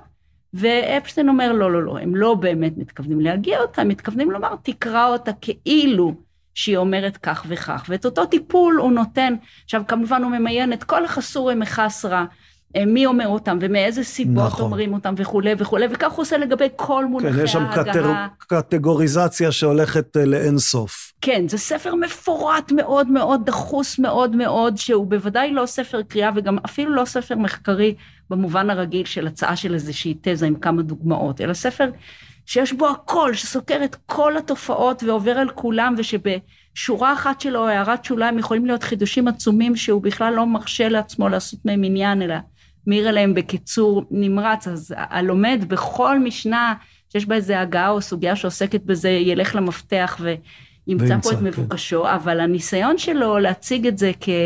רק כפרשנות, או רק כאיזה ברייתא שהמורה מביא, והוא לא התכוון באמת להגיע את המשנה עצמה, הוא חלק מהכמיהה הזאת של אפשטיין, להגיע לספר... להגיע לשורש. להגיע לשורש ולטעון ש, שאף אחד לא נגע בו, שהספר נשאר קבוע לאורך כל הדורות ולכן אפשר להגיע אליו. במאמר מאוד יפה שכתב אה, יעקב מאיר, ידידי, על, אה, אה, על הספר הזה, הוא מציע איזו פרשנות פסיכולוגיסטית, שאנחנו רואים, אפשטיין היה איש מאוד מאופק, אבל בהקדמה הוא ככה מאיר כמה הערות מאוד ציוניות על הוא כתב את, פרסם את הספר בתש"ח עם כן, קום כן, המדינה. כן. אה, והוא טוען שבעצם החתירה של אפשטיין להגיע אל הספר היא קשורה לתפיסה הציונית של הגאולה. כלומר, אנחנו חוזרים לקדמותנו, אנחנו צריכים גם לשחזר את הספר שלנו. הספר, המשנה, להגיע לקדמותה. והטענה היפה של אה, יעקב מאיר באותו מאמר, הוא שאפשטיין נכשל בכך בדומה לכישלונו המפואר של הרמב"ם במשנה תורה. אוקיי. זאת אומרת, הרמב"ם רוצה להחליף את המשנה והתלמוד והכל, כן, כמו שהוא כותב בהקדמה. אתם לא צריכים לבזבז את הזמן על כל הדפים, אני אתן לכם את זה בקיצור. כן, תקראו את התורה שבכתב, תלכו לספר שלי. כן. עכשיו, משנה תורה היא יצירה מדהימה, שאי אפשר לתאר את תולדות אה, לא הלימוד ולא הפסיקה. ולא החליפה את התלמוד. אבל היא עשתה את הדבר ההפוך. שכל הנושאי כלים והלומדים הולכים ומחפשים את המקורות לפסיקה של הרמב"ם, וממנו רק חוזרים אחורנית לכל, אה, לכל הסתעפויות ההלכה והסוגיות התלמודיות וכולי. וגם אפשטיין אומר, אה, יעקב מאיר באותו מאמר, גם אפשטיין נכשל, הוא לא מגיע לספר הקדמון, כי אי אפשר להגיע אליו. כי אין ספר קדמון, או, או שאת חושבת או שיש. כי, אה, דווקא המשנה, אני חושבת שאפשטיין מצליח להוכיח שהמשנה נמסרה החל מרגע מסוים בדייקנות רבה ובהקפדה רבה, אה, ובאמת לא השתנתה כל כך הרבה. אה, אבל מה שהוא לא הצליח, הוא רצה להוכיח שהייתה כתובה גם. ובמאמר שכתב יעקב זוסמן, הוא הצליח כנראה להפריך את כל הטענות של אפשטיין בספר, בפרק שלו, הנכתבה המשנה. הוא מראה שכנראה המשנה נשנתה בעל פה. אה, עדיין הקפידו על נוסחה ועל מסירתה, ועדיין כנראה... אחת הבעיות שלנו הרי זה, זה שבכל התקופה הזאת, שהיא תקופה של מאות שנים, גם את זה צריך לזכור, כלומר, אנשים אומרים, נכתב הספר, זה לא ש... אנחנו לא מדברים פה על שלוש שנים שמישהו ישב וכתב ספר, אנחנו מדברים על תקופת התגבשות עד חתימה, שהיא תקופה של מאות שנים. אין לנו שום, אלא אם אני לא יודע, אין לנו שום תיאור אה, של אה, מה שנקרא הסתכלות פנימה, ושמישהו מתאר, מישהו אחר יושב וכותב. נכון, אז פה אה, זאת נקודה מעניינת, שאפשטיין הביא כל מיני ראיות לכך שלדעתו המשנה הייתה כתובה, וזה חיזק את התפיסה שלו של הספר הקבוע בלשונו, וה... ש, ש, שכבר היה חתום לגמרי ולא ניתן היה לשנותו. והוא נאחז בעיקר במקור מסוים בירושלמי, שבו נאמר, וזה המקום היחיד שבו נאמר בואו נסתכל במשנה, כי באמת אחת הראיות לכך שהמשנה היא לא כתובה, שבכל הדיונים על, אה, על נוסח המשנה ברחבי התלמודים, אף פעם לא אומרים בואו נוציא ספר מהארון ונראה. כן. אין, או מגילה, כן? אין. אין דבר כזה, ובחלק גדול יש... מהמקרים הם גם לא אלא, מסכימים על הנוסח. אלא, נכון, והם נחלקים על הנוסח, וכל לשונות ההצעה הם לשונות של בעל פה, כן, תנן, תנור הבנן, כל הטקסטים שלהם הם, לחכמים קוראים תנאים, הכל זה לשנות בעל פה, אין שום, שום רמז בספר כתוב, ויש איסור כנראה על כתיבה. אה, אבל אה, אפשטיין הביא איזה מקור בירושלמי שמספר על, אה, על אדם שפונה לחכם ושואל אותו לגבי ה... מה שלימד אותו רבי יוחנן אה, רבו, ואז הוא אומר לו, אה, אני שמעתי את זה ממנו, כשמעת ולה יחמי לי, הוא לא הראה לי מתניתא. כלומר, הוא לא, לא הראה לי את זה בכתב. אה, כן, מכאן שזה היה כתוב. ואז הראה הוא נאחז בזנב של בדל של... זה אחד. ושתיים, גם, גם הראייה הזאת לא קיימת, כי היחמי הזה, זו צורה שגם מבחינה דקדוקית היא לא... היא לא סבירה, ובקטע גניזה רואים שהחמש, שזה לראות בארמית אה, גלילית של הירושלמי, בעצם מה שהיה כתוב שם זה אמר, א', מ', הבנתי, כלומר... והאלף הפכה ליוד ח' בהעתקה, בטעות, והגרש בסוף הפך ליוד, אז האמר, הוא לא אמר לי, זה מה שהוא, זה מה ש... כלומר, גם, גם הבדל ידיעה היחיד הזה... גם הבדל ידיעה היחיד נ... הזה נופל. אבל מה שאומר שם אה, אה, מאיר זה שלא אה, הגענו אל ספר המשנה העתיק, אבל הגענו אל נוסח המשנה. זאת אומרת, כמו שהרמב"ם יצר יצירה עצומה לדורות, אבל לא הגיע למטרה שהוא רצה, כך בעצם אפשטיין, הוא חתר אל הספר, והספר זה זה, מבוא לנוסח המשנה, הצלחה אדירה, יצירה מדהימה של תלמיד חכם שאי אפשר באמת להריץ אותו מספיק. אה, אבל התפיסה שלו, של אופן היווצרות הספר והעברתו, אה, ככל הנראה לא הייתה מדויקת. אני רציתי רק ככה להזכיר, חשבתי שזה מעניין בהקדמה, בהקדמה הקצרה שלו. כן. הוא מספר, ברוך המקום, אומר אפשטיין, ברוך המקום שזיכני להגיע לגמרה של הדפסת ספרי זה, שאף על פי שרוב רובו של ספרי היה כתוב ומונח זה שנים, לא היה בידי להתחיל בהדפסתו אלא קרוב לסוף המלחמה באדר תש"ד, כלומר מלחמת העולם השנייה. כן. כי 33 שנים, מתרע"ה ועד היום, הפכתי והיפכתי בספרי זה. רובו וטורפו נכתב בחו"ל, בברלין, ברובו גרמנית, בתור פרולוגומנה, הקדמה, להוצאת המשנה מטעם האגודה הברלינית, והמשכו, זאת אומרת גמרו ותשלומו, ועיבודו של החלק הגרמני שכתבים מחדש בעברית, בקודש בירושלים. ואז אה, הוא אומר, בסוף ההקדמה, ספרי זה נסדר בדפוס בשעת חירום זה, בזמן ההפצצות וההריסות וחורבן רחוב בן יהודה והסביבה. וניסים נעשו לספרי זה. או כבר במלחמת העצמאות כן, בעצם.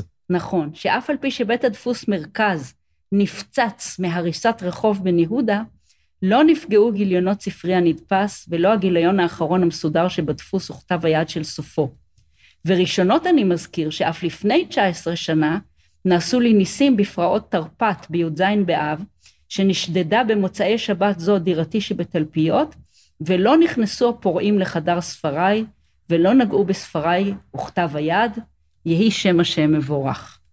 בסוף הוא אומר, כל הספר נסדר על ידי המסדר הדייקן מר יוסף כהן, מתחילתו עד סופו, עמוד 1308, עד שנתגייס לצבא העם.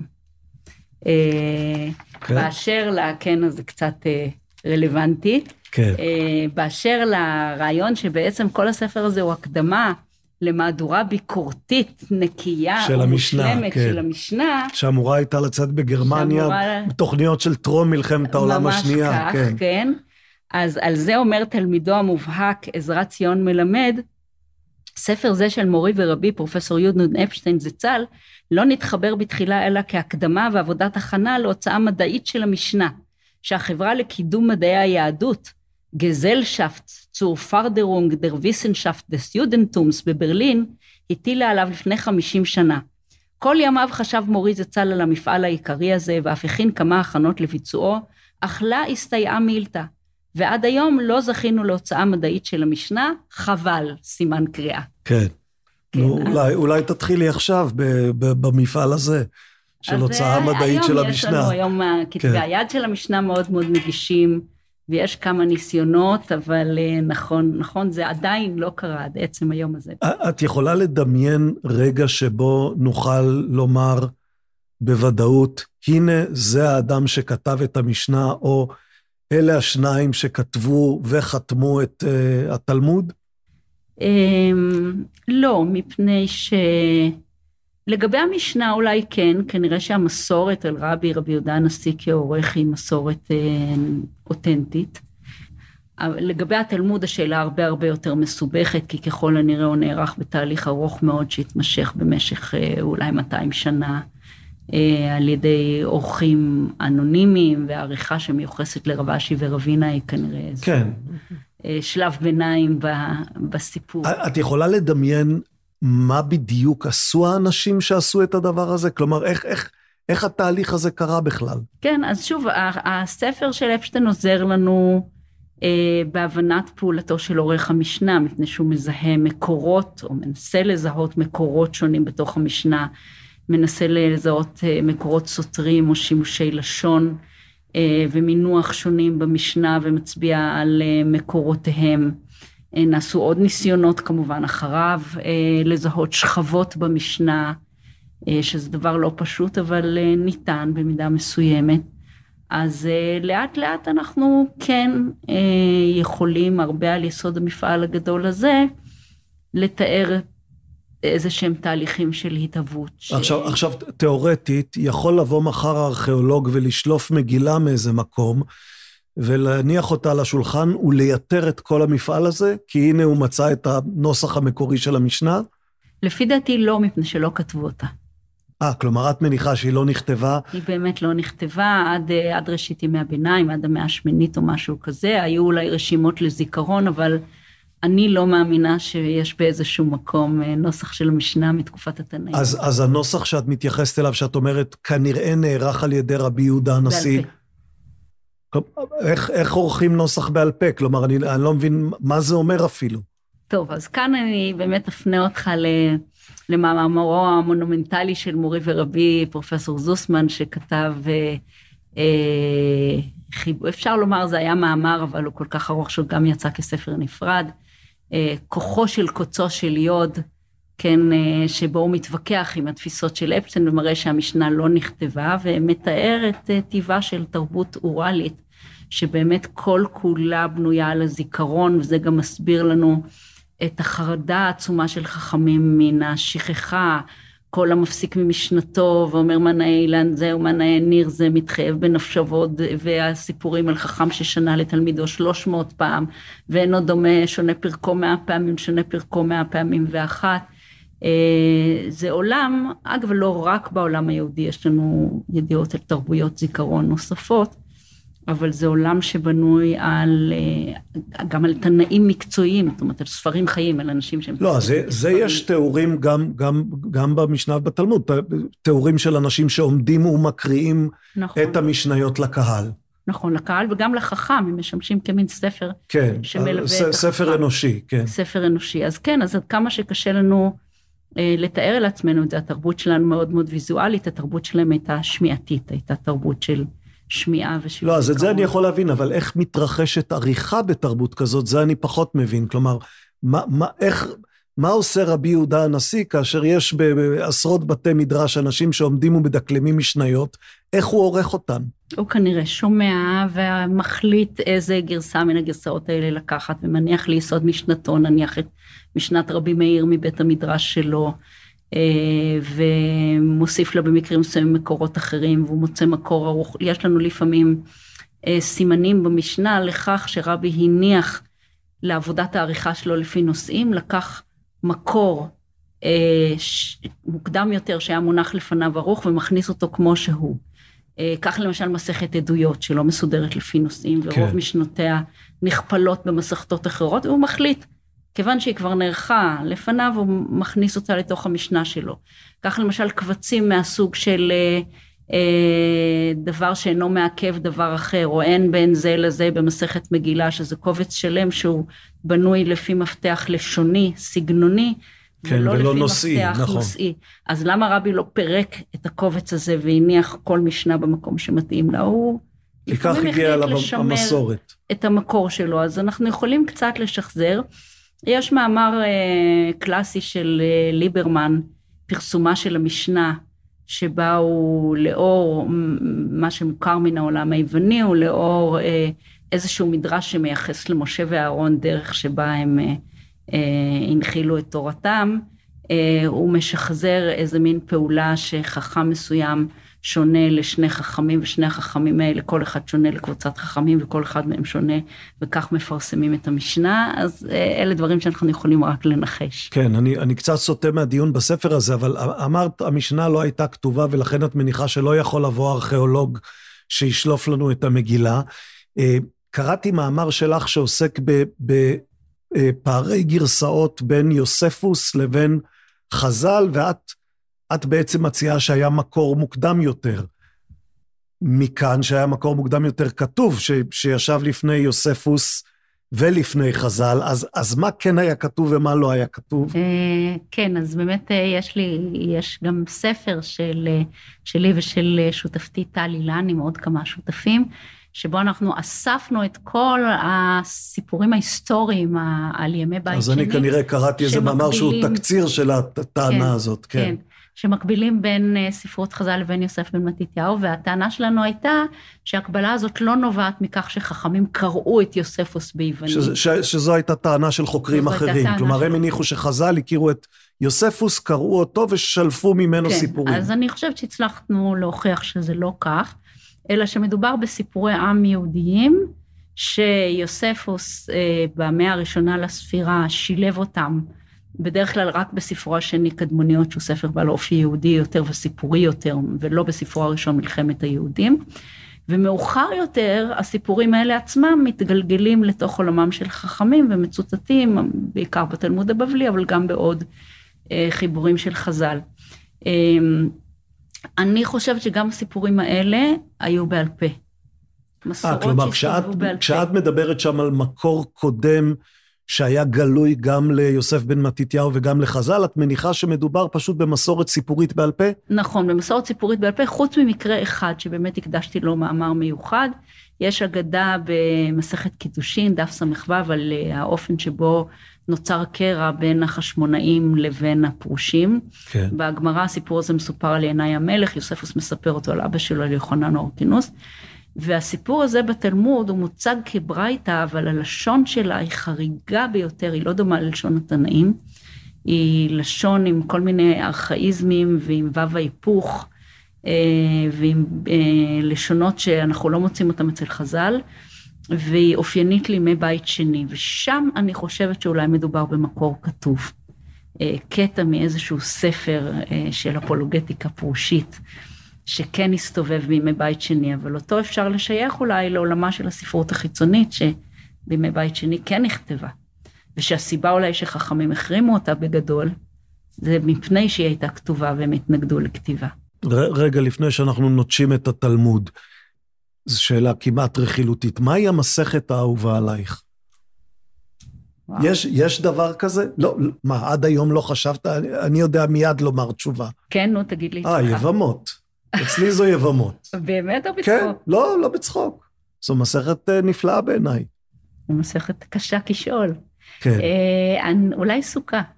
סוכה. למה סוכה? סוכה היא מסכת כלילה, לעומת יבמות שהיא מסכת קשה.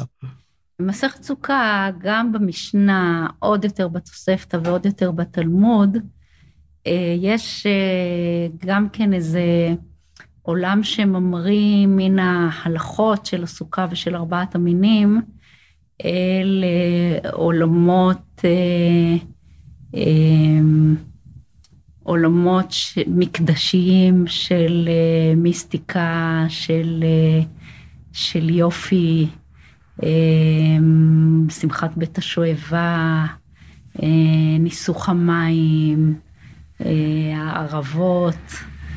אה, סביב ניסוך, סביב אה, היין, גם ניסוך היין, גם ניסוך המים, יש בתוספת הטקסטים מופלאים. יש, יש לך איזה פן רוחני, מסתבר. אה, כן. כן, אני, אני אוהבת להמריא אליו מתוך ההלכה. יבמות היא מסכת מאוד ארצית במובן הזה, כלומר, הדבר שאני אוהב בה זה, היא, היא חושפת את עולם חיי המשפחה של התקופה ההיא באופן הכי ברוטלי. כלומר, נכון, אם כי אם אני הייתי מחפשת ריאליה של חיי המשפחה והאישות, הייתי יותר הולכת לכתובות או גיטין, שאני חושבת שיותר משקפת את החיים. כן, אבל יבמות מביאה את זה, זה, זה המקום הקיצוני. יבמות זה הקצה. זה המקום הקיצוני. ויש שם הרבה מקרי קצה שהם נועדו, אני חושבת, רק ל... ל...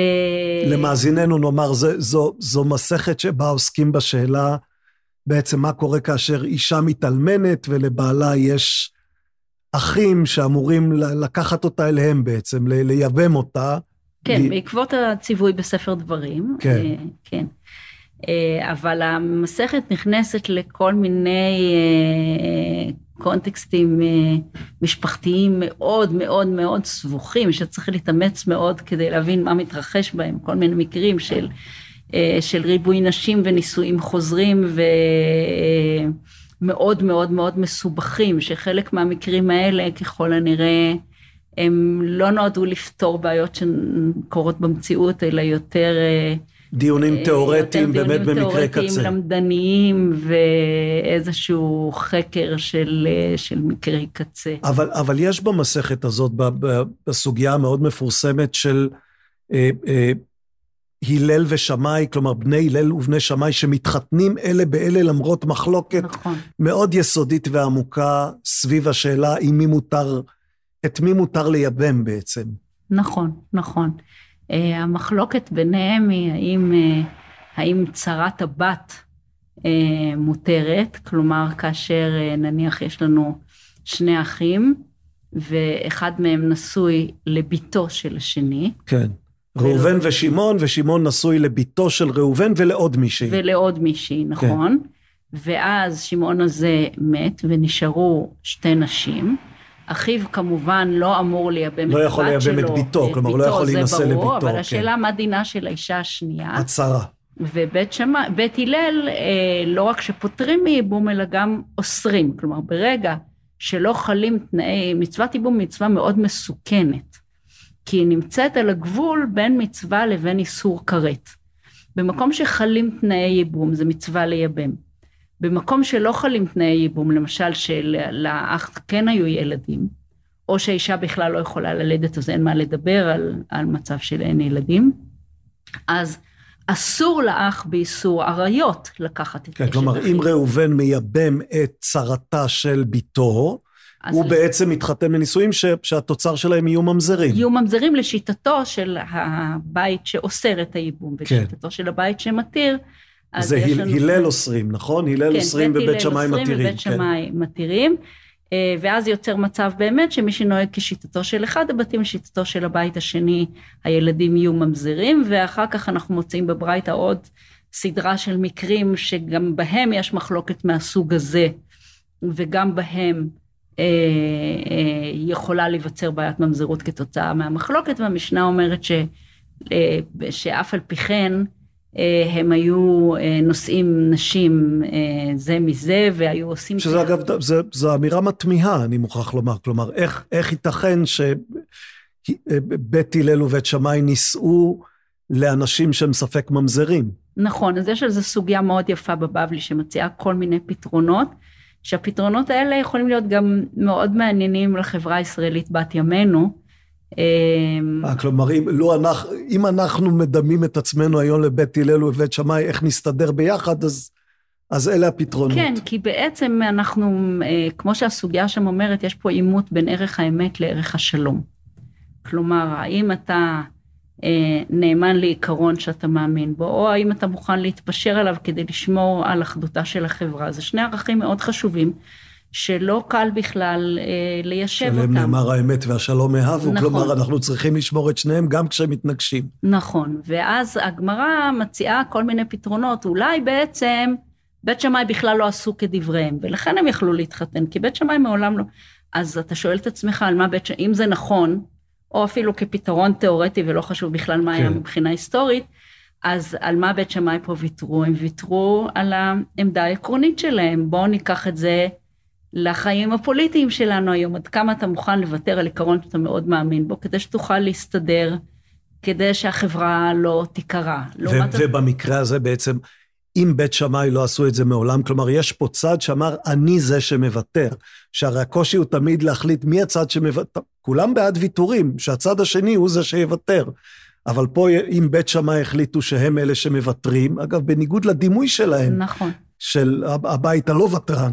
נכון, ויש שם בגמרא עוד הצעה, שאולי בית שמאי כן נהגו כדבריהם, אבל הם עדכנו את בית הלל על כל המשפחות שיש איתם בעיה. זאת אומרת, אז עם אלה אל תתחתנו, ובסך הכל עם כל השאר אפשר, אז יש פה איזה סוג של אמון ששורר בין הבתים, וזה מאוד יפה, אבל מצד שני זה קצת על הגב של קבוצה מסוימת של אנשים שמשלמים את המחיר של האחדות החברתית, וגם זו תופעה שאנחנו מכירים. אז בקיצור, זאת באמת אה, סוגיה מאוד מאוד יפה ומעניינת במסכת יבמות, אה, שעוסקת בשאלות שמטרידות אה, בכל דור.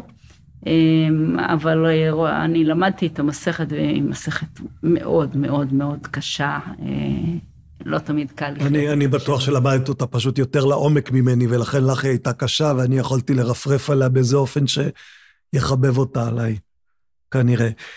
הבטחתי שנעזוב את התלמוד כדי שנספיק לדבר על ספר ילדים. אז בחרתי ספר שתמיד מאוד מאוד אהבתי, ונהגתי לספר אותו לילדיי אה, לפני השינה בהמשכים, כל ילד בתורו, וזה ספרה של אסטריד לינדגרן השוודית, מיו מיו שלי. אני בעצם מאוד אוהבת לא את כל... בילבי, אלא מיו מיו שלי. נכון, נכון, מאוד אהבתי גם את בילבי, שבזמני קראו לו גילגי. כן. עוד שהייתי ילדה קראתי אותו תחת הכותרת גילגי. אה, במקור היא פיפי, אבל את זה אי אפשר היה לתרגם לעברית. אה, מיו מיו שלי הוא מין אה, סיפור קסום, מין נובלה קסומה, על אה, ילד בשם בו וילהלם אולסון, ילד בשטוקהולם, שהוא ילד יתום ונמצא באיזה משפחת אומנה שדי מתאכזרת אליו. החיים שלו מאוד קשים, והספר נפתח כשהוא יושב באיזה פארק בשטוקהולם אה, עם אה, בקבוק בירה ריק שהוא מוצא שם, וככה צופה בחלונות של בתים אחרים ששם טוב לילדים והם אוכלים ארוחת ערב ואוהבים אותם. יש לו חבר עם אבא שכן מתייחס אליו יפה. נכון, כן, הדגם של, ה, של האב שהוא היה כל כך רוצה לעצמו, זה כמו אבא של החבר שלו, בן כאן נדמה לי, כן. שבונה איתו דגמים של מטוסים ומשחק איתו ולוקח אותו וכולי וכולי. ואז ב, כמו במוטיב מסיפורי עם ידועים, מופיע שד בבקבוק, ולוקח איתו את, אה, את גיבור הסיפור אל מה שנקרא ארץ מרחקים. ארץ מרחקים. בגרסה שאני קראתי זה ארץ מרחקים, אני מבינה שיצא עכשיו תרגום חדש, שעוד לא ראיתי, ששם קוראים לזה ארץ רחוקה. אני דווקא אהבתי יותר את הארץ מרחקים. ארץ מרחקים. יש בה משהו מסתורי יותר. ניחוח מסתורי. כן. אמ, ושם הוא מגיע אל אביו המלך, ומסתבר שהוא בכלל לא ילד יתום, הכל היה טעות. הוא הבן של אביו המלך, מלך של ארץ מרחקים, ובכלל לא קוראים לו בו וילהלם, קוראים לו מיו מיו שלי, שם כל כך, אה, כל כך רך ומחמיר לב. והקורא מבין שכנראה כל, ה, כל התיאור הזה הוא פנטזיה של הילד שכל כך מתגעגע ל, לאיזה גן עדן מושלם, ששם הוא בן המלך ושם הוא אהוב. וקיבלתי את רשימת הספרים שבחרת, אז אמרתי, אה, היא בחרה שני ספרי פנטזיה, את נמדר. ואת מיו מיו שלי, ששניהם שולחים, שניהם שולחים אותנו לאיזה עולם... עולם מקביל לעולם האמיתי. כן, מעניין, לא, לא חשבתי לא חשבת על זה, כן, אוקיי. כן. אה, אז, אה, אז הספר מתחיל במודעה של המשטרה שמחפשים את הילד הזה. אה, ואנחנו אולי יכולים לנחש שבעצם הילד מת או קרה לו משהו, ושה... ושארץ מרחקים היא בעצם... ארץ מרחקים, או אולי העולם שמעבר. עולם המתים, עולם ה... כן. כן, או לחילופין, שזה דמיון שהילד מדמיין לעצמו, אבל על כל פנים, רוב הספר מתרחש בארץ מרחקים שהיא... באמת כל הדברים שהילד הזה, שנמנעו מן הילד הזה בחייו, הוא מאחל לעצמו. זה ארץ של כרי דשא נפלאים, זה ארץ של שיחי ורדים פורחים, של יונים לבנות, של המלך שכל כך חיכה לו והוא עושה איתו בדיוק מה שאבא של בנקה היה עושה עם בנקה, הוא מטייל איתו, הוא נותן לו סוס בשם מירמיס עם רעמת זהב שהילד רוכב עליו, ושם הוא פוגש חבר, חבר נפש שהוא דומה, הוא בן דמותו של בנקה בחיים האפורים בשטוקהולם, אבל... את מתפעלת, את מדברת על הסוס הזה כמעט כמו על ניסוך היין, כלומר זה... כן, יש איזה דמיון, כן, כן, כן, יש הרבה זהב גם בספר של נעמדר וגם במשנה. אמ, ו... וכך מתחיל, יש שם לחם המשביע רעב ומים המרבים צמא, עולם, עולם מושלם. מאוד אגדי, יש בו בארות מים וסבתות זקנות שמספרות סיפורי עם וכולי. זה ספר שמח או ספר אה, אפל כשקוראים אותו כמבוגר? אני חושבת שאפילו כשקוראים אותו כילד יש בו היבטים אפלים, אבל אה, לינד גרן היא סופרת שמתמודדת, כלומר היא לא מפחדת להנגיש לילדים אה, גם דברים קשים, אבל יש תקווה בתוך הסיפור. מה שקורה אחר כך זה שמסתבר שגם בארץ מרחקים, החיים לא מושלמים, כי על ארץ מרחקים מאיימת ארץ חוץ. וארץ חוץ היא ארץ אופל מאוד מאוד מפחידה, ששולט בה האביר קאטו, בעל כף ציפורני הברזל, אה, שהוא מין נסיך אופל. ניכר בך, אגב, שקראת את הספר הזה ל, לילדים, כי הספרים שאנחנו, הספרים האלה שצריך להקריא לילדים ועוד פעם ועוד פעם ועוד פעם ועוד פעם, משפטים מתוכם נקלטים ונשארים כן, בזיכרון. כן, כנראה. אז, אה, ואז מסתבר, בספר גם שורה איזו אווירה שכאילו יש איזה סיפור עתיק שיש בו ציוויים מוסריים שמחייבים את כל משתתפי הספר, את כל משתתפי הסיפור, שהם יודעים שכך חייב להיות, כי כך סיפרו מאז ומתמיד. כן, איזה מין אה, אווירה של מורשת עתיקה, שזה גם מתחבר עם הספרים האחרים שדיברנו כן, עליהם. כן. והילד מבין שהוא כנסיך, כבן המלך, חייב להילחם עם קאטו ולנצח אותו, אין לו ברירה. אין לו ברירה, זה מכתוב מראש כזה. כן. במורשת, במסורת שמסופרת שם בארץ מרחקים. ואז הוא יוצא למסע מאוד מפחיד עם חבר הנפש שלו, ששכחתי עכשיו את שמו, והם רוכבים על סוסים, ועוברים דרך הרים מפחידים ומערות מפחידות וכולי וכולי. ומגיעים לארץ השחורה והאיומה והמפחידה עם האגם השחור האפל של קאטו נסיך האופל, ושם, האמת כשחשבתי על זה היום לקראת הרעיון, פתאום הייתה לי צמרמורת, כי שם יש ציפורים שחורות מכושפות שצורחות מעל האגם, והציפורים האלה זה ילדים חטופים. זה ילדים שנחטפו על ידי קאטו האביר הרשע והוא כישף אותם. ובעצם רק כשהגיבור שלנו ינצח את, אה, את קאטו כן, זה, האביר... זה, זה מוטיב דומה למה שמופיע נניח בפינוקיו, שגם שם יש איזה ילדים שהופכים לחמורים או משהו, ו... נכון? נכון, אבל שם זה יותר אה, מפחיד, ככה יותר מאיים. אה, וככה, סביב מה שאנחנו חווים היום, פתאום זה... כן, ככה רוצים לדבר על שלושה ספרים ולהתנתק לרגע מהמציאות, והיא, והיא כן, שבה וחובטת בפנינו. פתאום הילדים חטופים שהפכו לציפורים שחורות, זה היה מאוד, אה, ככה פתאום זעזע אותי לחשוב על זה. כמובן, בסופו של דבר, הילד באקט מאוד הירואי מנצח את, ה, את הרשע. וברגע שהוא הורג את אה, קאטו, אז האגם הופך לכחול, והשמיים הופכים לכחולים, והערים הופכים לירוקים, וכל הציפורים חוזרות להיות ילדים, והוא לוקח אותם הביתה, מחזיר אותם לבתיהם. אה, יש שם איזו נקודה מאוד מעניינת, שאני לא זוכרת כבר בדיוק, אבל באיזשהו אופן מתברר שקאטו עצמו היה איכשהו שבוי ב, בלב האבן שלו, והוא בעצם אה, מודה לילד על שהוא משחרר אותו מן הרשע של עצמו, משהו כזה, יש שם... זה, זה פרעה. כלומר, עכשיו אנחנו חוזרים לפרעה וללב האבן שלו. אה, משהו כזה, כאילו, הוא בעצם, הוא בעצם כבול בתוך, בעצמו בתוך איזו קללה של רשע, שהספר משחרר אותו ממנה. כלומר, יש שם...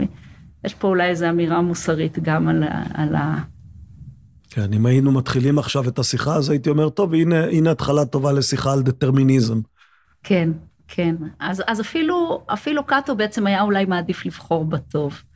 בכל אופן, יש פה איזה סיפור שיש לו גם ממדים תיאולוגיים על uh, גאולה של העולם. אה, קראתי אגב שיש הרבה פרשנים שאומרים, זה ספר מאוד נוצרי. יש טענה כזאת, כי הילד מתאחד עם אביו, כן, האב והתמה של האב והבן, אין שם אימא בכלל. כן. אה, אז אולי, פחות מאשר בספר נרניה, שהוא גם ספר דמיוני, ששם יש איזה אריה שצריך למות כדי לכפר על העולם, וזה כבר קצת נוצרי מדי לטעמי, אז הספר הזה... נוצרי מדי, דבר. כלומר, יש, כש, כשאת נתקלת בסיפור נוצרי מאוד, אז הוא מרתיע אותך באיזה אופן? אה, אולי קצת, כן. כן? באמת? מה, זה משהו מ... את חושבת ש... רתיעה מילדות? אה, יכול להיות, יכול להיות. הרי כאילו. כחוקרת את עוסקת בתקופה שהיא, אה, שהיא ראשית הנצרות, כלומר, כל מה שאת עושה מתכתב באיזשהו אופן עם ימי ראשית הנצרות. נכון, אבל כשאני מספרת לילדים ספר ילדים, אז אה, לא כל כך נוח לי שגיבור הסיפור בן דמותו של ישו. אולי זאת צרות אופקים, אבל ככה אני מרגישה. לא, לא התקבלת לאקדמיה הפרוגרסיבית של, כנראה. של ניו יורק במאה ה-21. כנראה. ורד נועם, תודה רבה. תודה לך.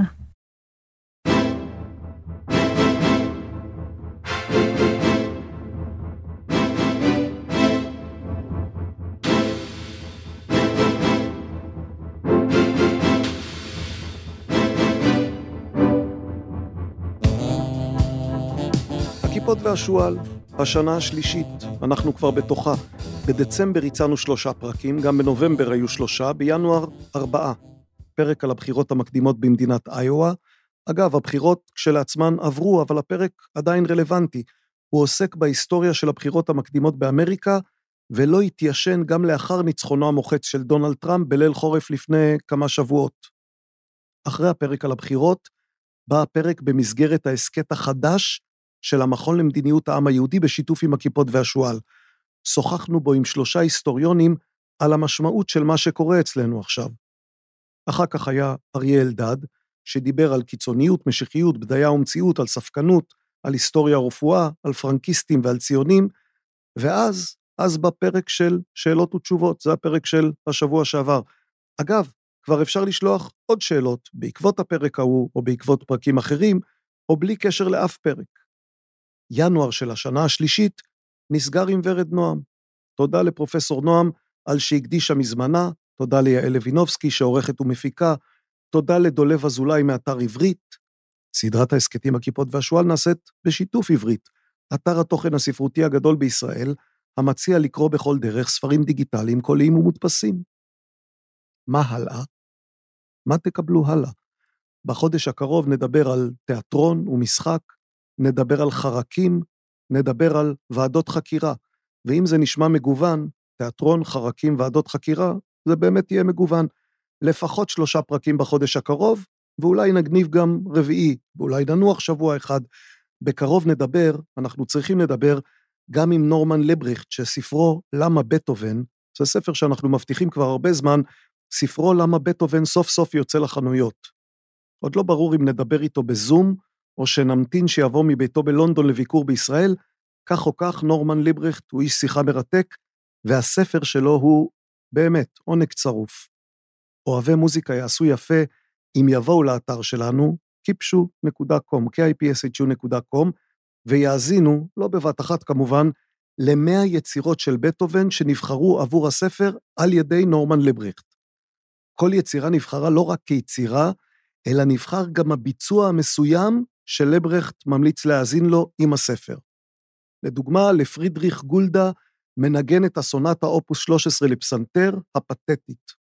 זו, זו יצירה שהוא כותב עליה, וזה הביצוע שהוא ממליץ להאזין לו.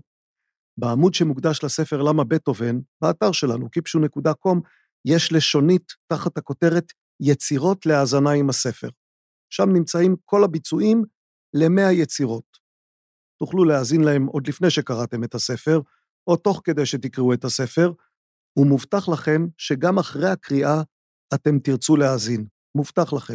זה קרה לי, אין סיבה שלא יקרה גם לכם. אז כל זה בקרוב. ועכשיו נסכם וניפרד, נכון? הגיע הזמן. אנחנו משתדלים לשמור על השגרה גם בחירום, משתדלים לספק למי שרוצים או צריכים הפוגה של שעה מהחדשות שבחוץ. אנחנו מודעים להן כל הזמן, אבל מודעים גם לצורך להתנתק מהן מעת לעת. אז נהיה כאן, אני מקווה, ממש בקרוב, ונאחל לכם שעד אז יהיו לכם ימים של שקט, של ביטחון, של שלווה לגוף ולנפש. נייחל לניצחון ונתפלל לשלום. להשתמע.